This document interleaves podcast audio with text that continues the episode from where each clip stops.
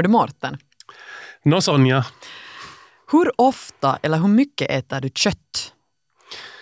eh, nå, nu äter vi, ska jag väl tala om eftersom det är familjen. Nu äter vi väl ganska ofta, tyvärr, säger jag nu. Eftersom man är ju ganska medveten om den här diskussionen som har förts och förs hela tiden om att äta mindre kött och så vidare. Men eh, när jag tänker efter så, så eftersom också barnen gillar kött, mina barn alltså, så det blir ganska mycket just malet kött och nog kyckling och, och fisk och så vidare. Men äh, efter att ha sagt det där så måste jag nog säga att jag har nog blivit medveten om vart vi är på väg och vad som bör göras. Så man tänker ju nog mycket mer i vegetariska termer nu för tiden än man gjorde tidigare. Mm. Hur är det med dig? Nå, rätt mycket. Det har säkert minskat. Jag kommer ihåg vid något skede för kanske en fyra, fem år sedan så inledde jag med eh, vegetarisk måndag. Och då tänkte jag att man måste ju få in en helt vegetarisk dag i veckan. Så att från det så, så har det gått lite mer mot vegetarisk kost, men det är nog ganska mycket kött ändå där med. Mm. Men det här ska vi ju tala om idag. Precis. Det här programmet kretsar ju alltid kring utmaningar, men den här gången så, så riktar sig utmaningen faktiskt till oss. Precis, för si där tre veckor sedan ungefär så gav vi ett löfte i Efter nio TV-programmet om att eh, leva köttfritt i ett par veckor. Skulle vi äta endast vegetariskt. Och på det här sättet skulle vi dra vårt strå till stacken och delta i TV-programmet Strömsös vegemånad i september. Uh, Strömsös projekt, vegetariska projekt heter ju Väggval och pågår ännu också. Ja, som vi konstaterar här så är vi båda människor som har en hel del kött i sina vardagliga måltider. Och nu var ju alltså då tanken att vi skulle leva utan kött, utan fisk, utan uh, kyckling, utan, utan rött kött. Men, Mm. men uh, ägg och mjölkvaror var nog tillåtna, så det här var ju inte kanske en sån här mega-utmaning, men ändå för oss två kanske lite utmanande. Mm. Vi kommer här att reflektera kring att ändra sina kostvanor, men vi har också en riktig expert med i programmet lite senare. Han heter Mikael Hildén, är professor och jobbar vid Finlands miljöcentral Syke. Och han basar för eh, klimatprogram. Han jobbar alltså för ett eh, kolneutralt och resurssnålt samhälle med fokus just på mat. Under de här veckorna så har vi fört dagbok. Vi har filmat vår mat i äkta matbloggningsanda. Uh, hur gick det för oss? Vi ska lyssna på det och sen fortsätta diskussionen. Det blir makaronilåda där jag byter ut köttfärsen mot bondbönefärs. Härmed har jag också mat för några dagar. Fiffigt va? Nå, idag är det lite mer bråttom så det får bli en enkel pomodoro. Men för att göra den lite mera matig så tillsätter jag ganska mycket mera lök plus allt som är kvar från en två dagar gammal solsoppa som vi kallar det. Som består av morötter, lök och potatis. Den är helt gudomlig. Tror det eller ej. Vi är ju väldigt lyckligt lottade med Mårten eh, med tanke på var vårt jobb ligger, för det finns en massa alternativ här runt omkring hörnen. Jag kommer inte ens ihåg hur man använder mikro. Men aldrig att jag skulle välja något vegetariskt alternativ. Men det blir säkert hur bra som helst. Det är tomat och linssoppa. Vegetarisk lunch. Lite falafel.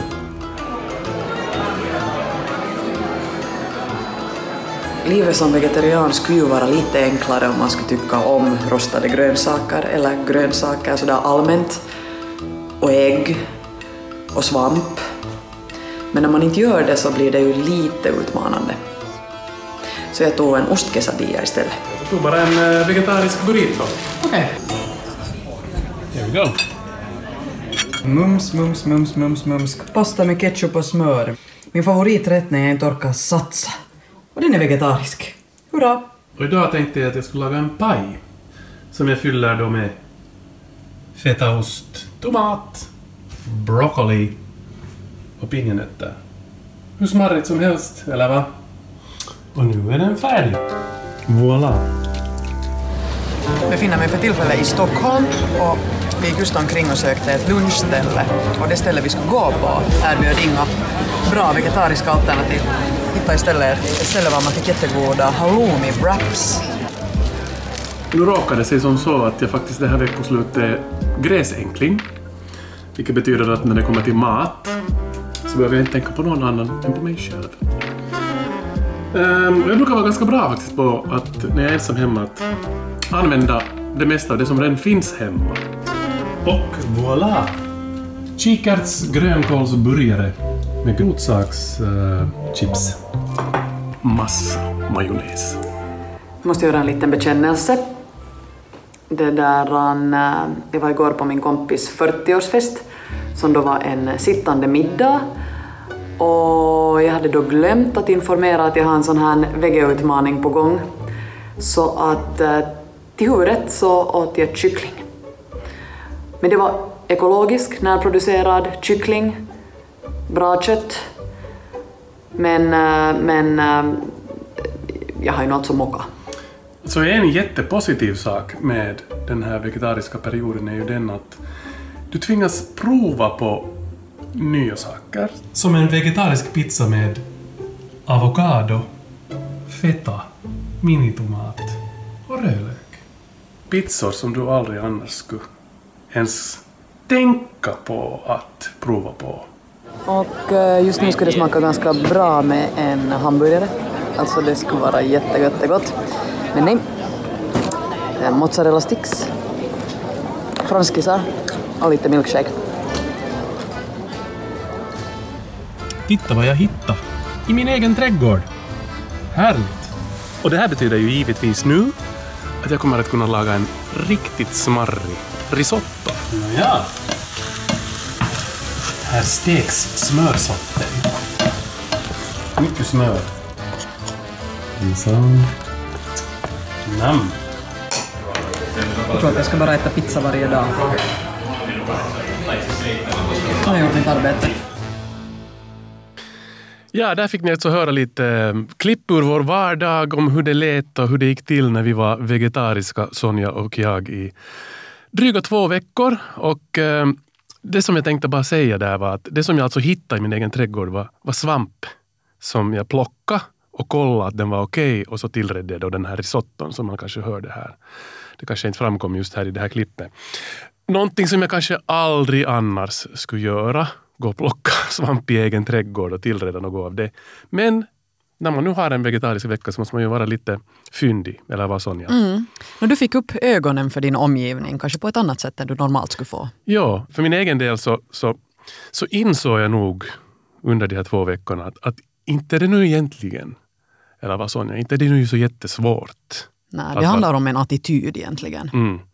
Och, och egentligen också att, att Eh, prova på lite nya saker och vara lite mer mångsidig i, sin, i sina val när man väljer vad man ska laga och så vidare.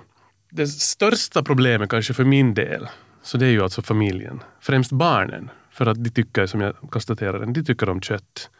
Och de blir lite trötta på det här att igen provar pappa på något nytt i, vegetariskt, uh, i vegetarisk väg.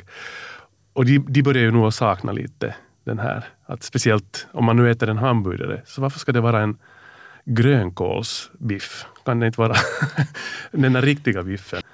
Men hur upplevde du det då? Du, du klåpade en gång? Jag klåpade en gång, men, men, men, men det var kanske ett mänskligt misstag det var ju inte medvetet att nu äter jag kött utan jag var alltså på en 40-års middag där det serverades då kyckling till huvudrätt. Och jag hade inte anmält på förhand. Och vid det där skedet så där tänkte jag mera på matsvinn mm. än det att man har den här utmaningen. Men ja, så det, det, det, det sket ju sig lite kan man ju säga. Men utöver det så har det varit jätteögonöppnande och, och kul tycker jag att uh, testa på det här. Mm. För att som du sa att du kanske fick ögonen upp för, för din omgivning där hemma, så fick jag nog ögonen upp för utbudet i restauranger. Mm. För jag äter ganska mycket ute. Uh, och jag brukar aldrig titta på de här eh, vegetariska rätterna. Jag har det aldrig ens som alternativ. Men nu när jag alltid måste bara ögna genom dem så märker man att eh, på väldigt många ställen så finns det inte så mycket alternativ. Men såklart när man bor i huvudstadsregionen så finns det ju också en massa restauranger som också bara helt koncentrerar sig på vegetariskt. Att det, det handlar ju bara om att hitta dem. Mm. Och som jag också konstaterar här, så det var första gången i mitt liv tror jag som jag har beställt en vegetarisk pizza mm. från min favoritpizzarestaurang. Som var faktiskt god. In, inget fel på den alls. Uh, den kanske inte riktigt hade den här samma stingen som en pepperoni-pizza men, men fungerar helt hur bra som helst. Det som jag ännu funderar på var att, att den här mättnadskänslan kanske aldrig riktigt på samma sätt infann sig, upplevde jag, när jag inte åt kött. Man fick inte en så kallad matkoma. Nej, utan det var på gott och på ont alltså. Samtidigt så kan jag ju berätta att, eller ska man berätta sånt, att uh, den här, uh, det som också, efter att magen har processerat den här vegetariska maten, så den biten såg också annorlunda ut. Och den kände, biten? ja, att det, jag märkte på något sätt att det var inte det var liksom, man kände sig lite lättare på något ah, sätt. Ja, det här tänkte jag inte ens på. Ah, ja, du har inte märkt någon Men skillnad. du, du märkte att det, det, det, var en skillnad där sen i, i, i kedjans ända. Så uh, det enda som jag också uh, har hört om vegetarianer, att, att de kanske um, då istället kompenserar den här, um, när de inte får den här mättnadskänslan. Så att de kanske äter sen istället lite mera bröd, ett kvällsmål eller något sånt här. Eller bullar eller någonting sånt. Och det är ju inte egentligen bra det heller. Det stämmer. Och det, det som jag börjar fundera på uh, kring det här var kanske det att när man talar om den här kostcirkeln och, och, och allt det vad man borde få i sig under en dag så undrar jag nog att fick jag tillräckligt med proteiner i mig under de här veckorna? No, det var ju en grej som du också tog upp här i, dag, i dina dagböcker och det var det här med att uh, du äter inte helst tomat, eller va? Mm -hmm. Inte ägg inte någon saltgurka, men det är nu en, en, en bisak. Och det finns lite, och svamp som du också nämnde och så vidare. Så, så då, då kan det ju bli ett litet, ett litet problem egentligen. Mm. För att ägg, mjölkprodukter innehåller ju en massa proteiner. Mm, och vi var ju laktovegetarianer, vi fick ju äta just ägg och, och sånt. Och jag, jag, tycker om ägg i alla dess former, så att för mig var det egentligen inte... Och så åt jag ju ost om jag tog en smörgås eller något sånt. Och där får man ju lite. Och sen älskar jag nötter nötter faktiskt. Mm. Jag kan häva i mig en hel påse nötter när jag tittar på TV till exempel. Det är ju en jättebra näringskälla. Ja. Just på grund av att jag inte äter så mycket grönsaker så har jag nog säkert också vitaminbrist och sånt här sådär i allmänhet. Nu när man har testat på en massa nya rätter, till exempel när man varit ute och ätit så har, har, har jag nog fått eh, tycke för för grönsaker också. Mm. Men jag tillreder inte dem själv. Jag, jag, upplever att jag har inte den där kunskapen. Du är jättebra på att laga mat, så man hörde ju också här i dagboksklippen hur du bara blandar in det ena och det andra. Du har det per automatik i din matlagning. Jag tycker att det är roligt också faktiskt. Ja. Men jag är lite trött och jag är lite lat och om jag inte behöver egentligen föda någon annan eller tillreda mat för, för andra så, så går jag ju ibland för det här som, som ni hörde också, så där, den där lättaste pastaportionen med smör och ketchup. Det är din favoriträtt. jag tycker om enkla pastarätter. Den här är ju lite absurd. Men ketchup och smör. Jo, jo. jo, jo det, är ju ingen, det är ju ingen gourmeträtt direkt. Men, men det, det är en sån här um, comfort food som jag har. Mm. Jag, jag, tycker jättemycket om det. Massa, massa, massa, massa smör och sen ketchup. Men alltså annars tycker jag också om enkla rätter. De ska inte ta längre än, än vet du, tio minuter att laga. Mm. Jag orkar inte med sådant långt puttrande. Mm. Jag har inte liksom riktigt tid. Och inte kunskap. Det är där det faller på. Men på det stora hela så skulle jag säga att eh, vi, vi skulle ju nog kunna leva på det här sättet. Men, men eh, vad skulle vara ditt eller ert främsta argument till att sluta äta kött eller, eller minska på det drastiskt? Är det, är det frågan om hälsofrågor, klimatfrågor eller djurens förhållanden? Hur tänker du på den saken? No, jag måste säga att, att kanske främst har jag börjat fundera på det här med klimatet. Mm. Det är nog någonting som jag och det har ju att göra också med att barnen funderar ju mycket. Bland annat på grund av eh, den rebelliska Greta Thunberg så har mina barn också börjat tala om henne och fundera på de här sakerna. Så i, eftersom jag just konstaterade att vi äter annars också ganska mångsidigt så inte skulle det vara av hälsoskäl utan det skulle nog vara av, av att jag skulle vilja dra mitt strå till stacken när det gäller klimat. Och absolut, om vi äter kött, helt och sluta äta något så här influget kött eller influgen fisk, utan äta det som finns nära helt enkelt. Och i säsongen. Ja, precis. Det skulle man nog vilja sträva till. Mm. För mig är det precis detsamma. Klimat och djurens förhållanden som jag funderar på. För att min Facebook-feed kryllar av sådana här videon från olika uh, uppfödningsanstalter där, där det inte går helt rätt till. Och de påverkar mig nog. Mm. Jag kan inte ens riktigt titta på dem, men jag börjar tänka på det och, och, och det präglar nog min tanke. Mm. Att man funderar verkligen på att vad är det man köper sen när man köper. Mm. Du lyssnar på Efter nio här tillsammans med Morten Svartström och mig Sonja Kailasari. Och I det här programmet så har vi utmanat oss själva att äta vegetariskt under två veckor. Nu är det dags att välkomna dagens expert. Mm. Men strax innan vi tar in honom till studion så ska vi lyssna på vad vår egen husläkare hade att säga om eh, vegetarisk kost i ett tidigare Efter nio-program. I fjol gästades eh, Efter nio radio nämligen av riksdagsledamoten Jallis Harkimo som hade utmanat sig själv att leva som vegan under en längre tid. Och då hade vi även bjudit in vår husläkare Robert Bergholm för att kommentera hans utmaning och också berätta om den vegetariska kostens hälsoeffekter. Och så här lät det. Bra kille som i den här åldern lyckas ändra på sina levnadsvanor, för det hör till det svåraste som finns. att eh, när vi årtionden lever på ett visst sätt så det, det är förvånansvärt svårt att ändra på någonting och hålla fast vid det jag läste lite publikationerna här innan jag kom hit, så det, det kommer eh, flera stora artiklar i månaden just om det här. Att, att, det, att det visar sig att den här, eh, den här, eh, så här vegetarisk kost eh, är, är förvånansvärt hälsosam. Och att den, att den, den sänker på kolesterolvärdena, den sänker på blodtrycket, eh, den, den, risken för diabetes minskar med 20-30 procent. Eh, risken för att utveckla hjärt och kärnsjukdomar eh, 30 till 40 procent. Det, det, är, det, är, det är så stora tal att det, alltså vi talar om det är lika mycket som, som statiner i bästa fall kan, kan förhindra, ni vet kolesterolmediciner. Att det, att det här är nog eh, en viktig, viktig sak. Och, och, och det som var intressant att, att ju mer man lämnar bort av de här animaliska produkterna, så desto hälsosammare är det. Att det där att om man, eh, det går ju att lämna bort bara rött kött och så kan man lämna bort också vitt kött och så kan man lämna bort fisk och, så vidare. och så vidare. Men de som är helt på den här veganlinjen, så de eh, ser ut att klara sig allra bäst och det är allra hälsosammast. De går ner i vikt i medeltal en 4 till 5 kilo och lyckas hålla den där vikten, vilket är ju världens svåraste sak. Alla, alla studier visar att det, att det är på det här sättet. Så det, det, det, det är imponerande resultat och jag, jag blev lite häpen över det här. Finns det någonting negativt som du har hittat när du har läst på om att vara helvegan?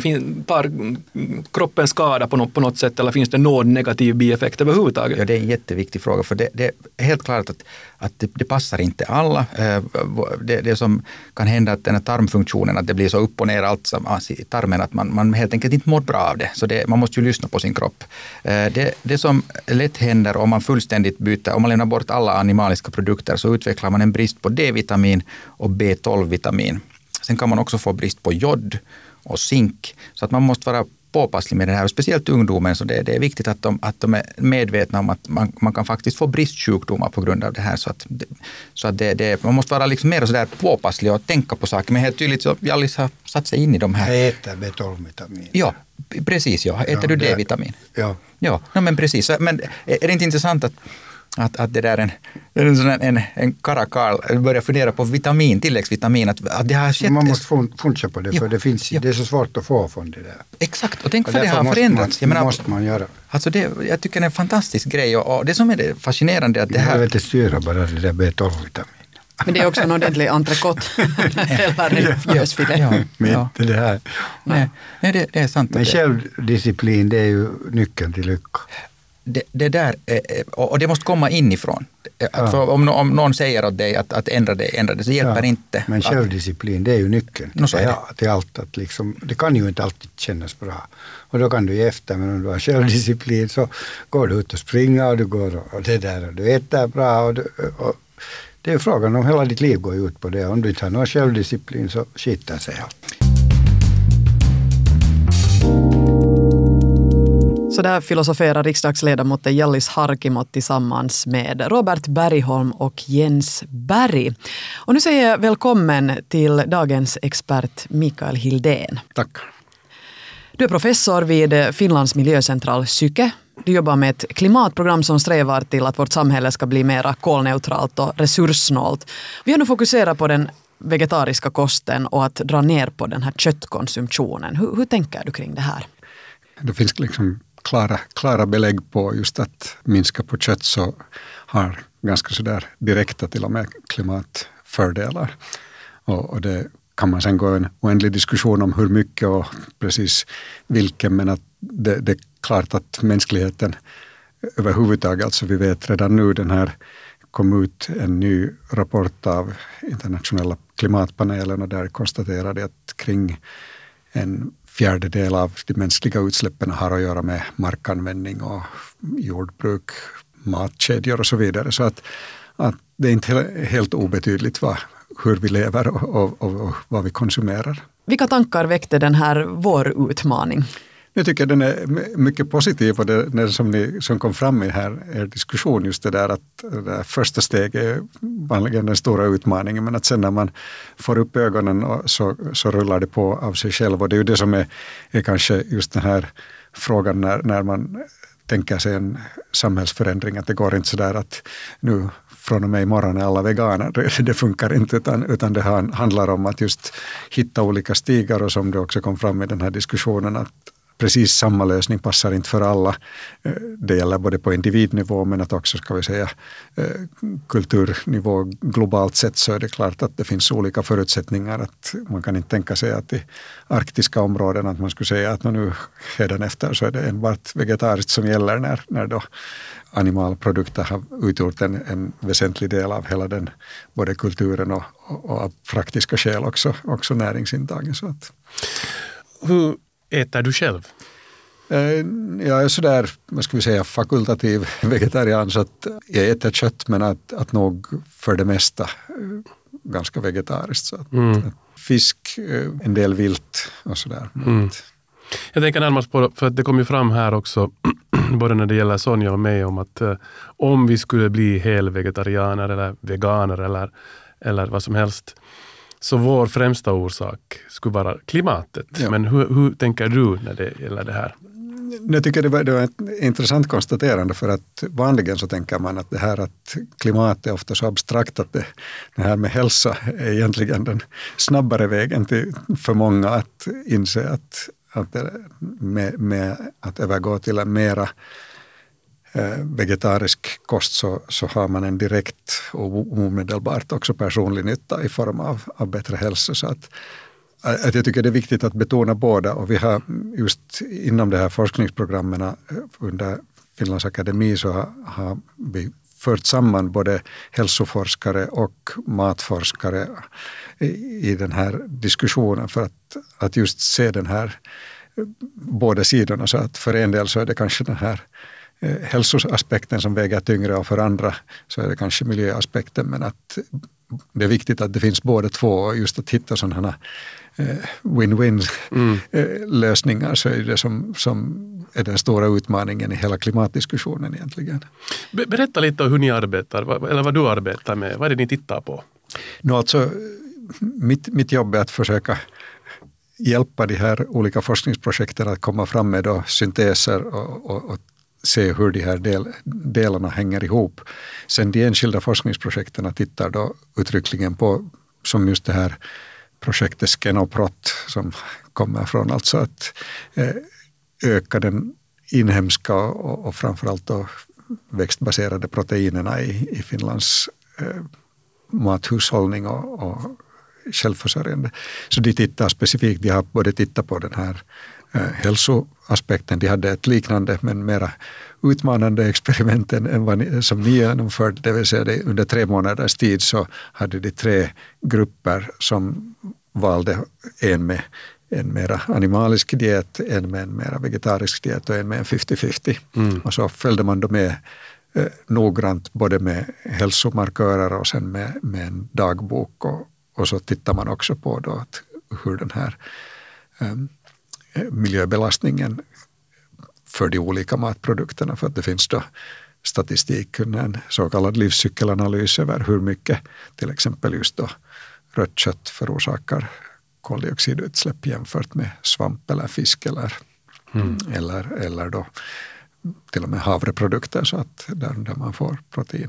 Så det, det, är en av de här, att gå in ganska djupt i, i särskilda frågor och, och sen det andra är just att försöka göra de här synteserna och sen titta på att, att vad handlar det om, om på en nivå, en, en samhällelig ska vi säga, styrmedelsnivå. Så att, att ett exempel är till det här att det finns ett EU-stöd för eh, att använda mjölkprodukter men det stödet kan inte tillämpas på användning av havremjölk för skolbarn. Mm. Så det, det är sådana små detaljer som ena sidan och sen de stora frågorna är då att hur, hurdant jordbruk stöder vi, hurdan livsmedelsindustri stöder vi och, och, och den, den vägen få fram de här lösningarna. Hur mycket lyssnar man på er sen då? Det är en bra fråga. Eller jag tänker ju främst politiker och varför inte konsumenter och så vidare? Jo, no, alltså, den här diskussionen har ju nog tagit fart på ett helt nytt sätt de senaste ska vi säga, två, tre åren. Och, och det är klart att, att en del lyssnar mer, en del mindre. Eh, man kan inte... Eh, forskningens roll är ju inte att, att eh, diktera direkt utan att framförallt visa på konsekvenser och, och, och, analysera olika möjligheter. Och sen då, när det då finns ett, ett klart politiskt avgörande att, eller beslut på att vi, vi då ska enligt den här klimatöverenskommelsen i Paris så är målet då att minska klimatpåverkan eh, drastiskt jämfört med vad vi nu ser ut att, att åstadkomma. Och då är den här kostsidan, då kan forskningen säga att om det är det här vi vill så då måste vi göra någonting åt också den här biten. Att det, det går inte bara att övergå till elbilar till mm. exempel mm. utan det måste också gälla ganska sådär vardagliga saker som just gäller mat och, och, och livsstil överhuvudtaget. Mm. Du har sagt någonstans att medborgarna är kanske redo för radikalare åtgärder för att motverka klimatförändringar än, än, än ledare. Ja, det, det, är ju en sån svår sits för alla ledare att de försöker se att var sitter den här, ska vi säga, egentliga makten och gissa, gissa sig till att vad som förorsakar motstånd. För att även om folk i, i förfrågningar säger att, att de är redo att göra radikala saker så, så vet också erfarna politiker att det mycket lätt eh, blir det där nästintill gatuupplopp när, när man sen då försöker genomföra någonting som nu de gula västarna i Frankrike var ett exempel, eller i Sverige där man plötsligt hade ett dieseluppror och det har funnits motsvarande försök i, i Finland. Så att, att, att det är en, en, där, en positiv signal men att hur man sen riktigt på riktigt gör de där förändringarna så det, det är ett, ganska många steg. Vi har haft diskussioner i, i det här projektet Skenoprot just sådana diskussioner där de bjöd in till exempel då från arméns sida, alltså, eller det, eller vad det heter, Lejonaråka eller vad mm. katten som sköter om armén. Och, och de sa just att okej, okay, att, att, ja, de kan nog ta upp sådana nya alternativa protein, men, men de behöver då recept som som är bra. är bra och som kan tillverkas i liksom stor skala. Att det, ja. det, där, att där finns inte liksom möjlighet att, att små experimentera. Mm. Nej, göra lite rotfruktschips liksom, och grejer. Sen ska det då funka i stor skala och, och dels att det, det är också tillgången på det. det. Det, är ju en sån här, i bästa fall en positiv cirkel att, att man får då en ökad efterfrågan och så börjar producenterna satsa på det och så finns det mera. Och så kommer priserna ner och sådär. För att, för att om man tänker till exempel just nu att då, då sådant som, som den här havremjölken som kostar skjortan jämfört med vanlig mjölk och, och egentligen så är råmaterialet betydligt billigare. Att det finns liksom inte någon mm. sådär så att säga objektiv orsak utan det handlar om mycket sådär stödsystem och, mm. och, och, och förstås den där liksom skalfördelen att när man en gång har har, har satt igång mjölkproduktion. Det här stigberoende på det sättet är ju nog en, en väsentlig. Om man tänker på framtiden då och på basen av all den forskning som ni gör och om man tänker på individer, vad de kan göra. Så hur tycker du vi borde egentligen kanske liksom utopistiskt eller, eller på något sätt eh, tänka på det här eller sträva till att leva? Vad, vad skulle vara idealt kanske? Mm. Jag skulle säga att, att förstås, vi kan ha det här eh, idealbilden och det finns en del som lyckas leva upp till dem eh, med, med då verkligen, som kanske Jallis också påpekar, med mycket hård självdisciplin. Och, och, men för, för de flesta och för oss flesta så är det kanske så där att göra ändå, ha en medvetenhet om, om de här eh, större förändringarna men att sen ta steg sakta men försiktigt och vänja sig vid olika saker. För att det är klart just sådär som också i er diskussion att, att från en dag till en annan plötsligt börja tillreda en helt vegetarisk kost så, så det, det, det, kräver liksom sån här, man måste experimentera, man måste prova ut och, och, och vänja sig vid både tanken att titta som du sa mm.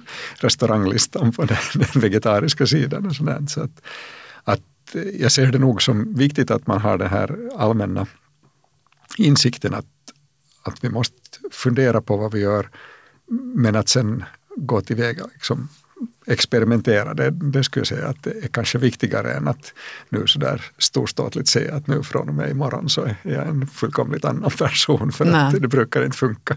Mm. Jag kommer ihåg att min son i, i tiden så han ville vara vegetarisk och vi som föräldrar funderade hur det här skulle gå till och så skaffade vi då tofu och det, det var ganska smaklöst.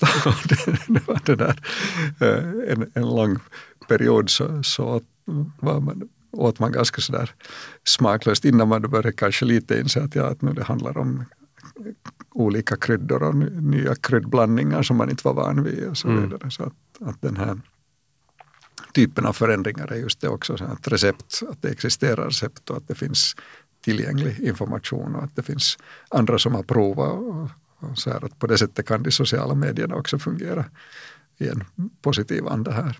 Definitivt, och här kan vi ju påpeka också att eh, vår utmaning hade delvis att göra med Strömsös hashtag väggval eh, som har pågått hela september där man då delar med sig en massa olika vegetariska recept. Och man kan också delta i den här genom, alltså ni som lyssnar kan skicka era bästa vegetariska recept och, och Strömsö tar gärna emot dem och mm. kommer att uh, ge ut en kokbok. Mm. Och den här kan ju fundera, fungera som en, en uh, bra inspiration. Precis. Ja.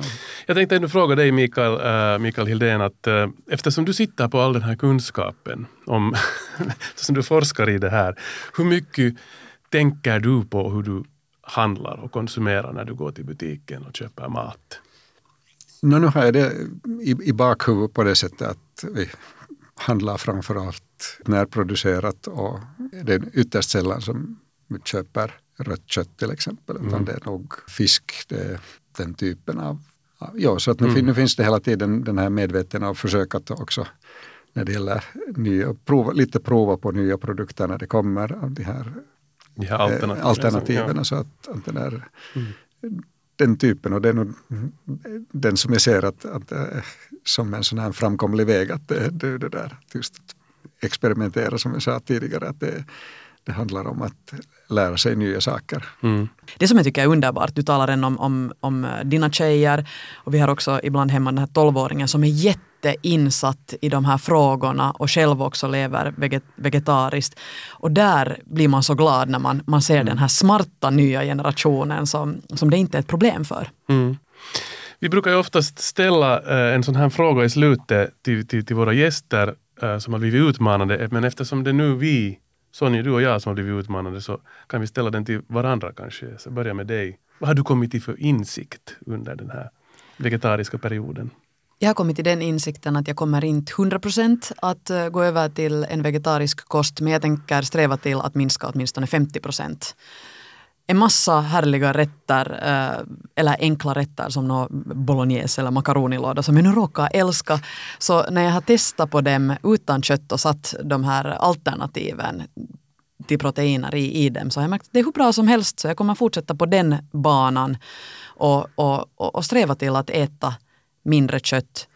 Fisk tänker jag hålla fast vid kanske. Mm. Um, men uh, själv då? Jag har också kommit till den insikten att, att jag vet att det finns vissa saker som, som är ganska syndiga och som är lätta att inte behöva uh, skaffa mera. Och, och istället se mig omkring lite mera, inte alltid köpa de här samma sakerna i butiken utan och också i mån av möjlighet, om, om, om plånboken räcker till och så vidare, sträva till att köpa närproducerat och ekologiskt och, eh, och, eh, ja, och också fisk som mm. du nämnde. Så att, inte kan jag heller bli helt vegetarian, men att börja ta bort sånt som jag vet att det är helt dumt egentligen att köpa. Mm. Satsa på inhemskt, det tror jag att det är en, en ganska bra ledtråd också. Tack så mycket Mikael Hildén för att du gästade oss här och eh, ja, vi får hoppas ja, att tack. vi går mot bättre mera klimatsmarta tider. Tack ska ni ha. Tack. Det var Efter nio för den här gången. Du lyssnar på oss, eh, Morten Svartström och mig, Sonja Kailasari. Och vi är tillbaka om en vecka med nya utmaningar och nya gäster. Vi hörs.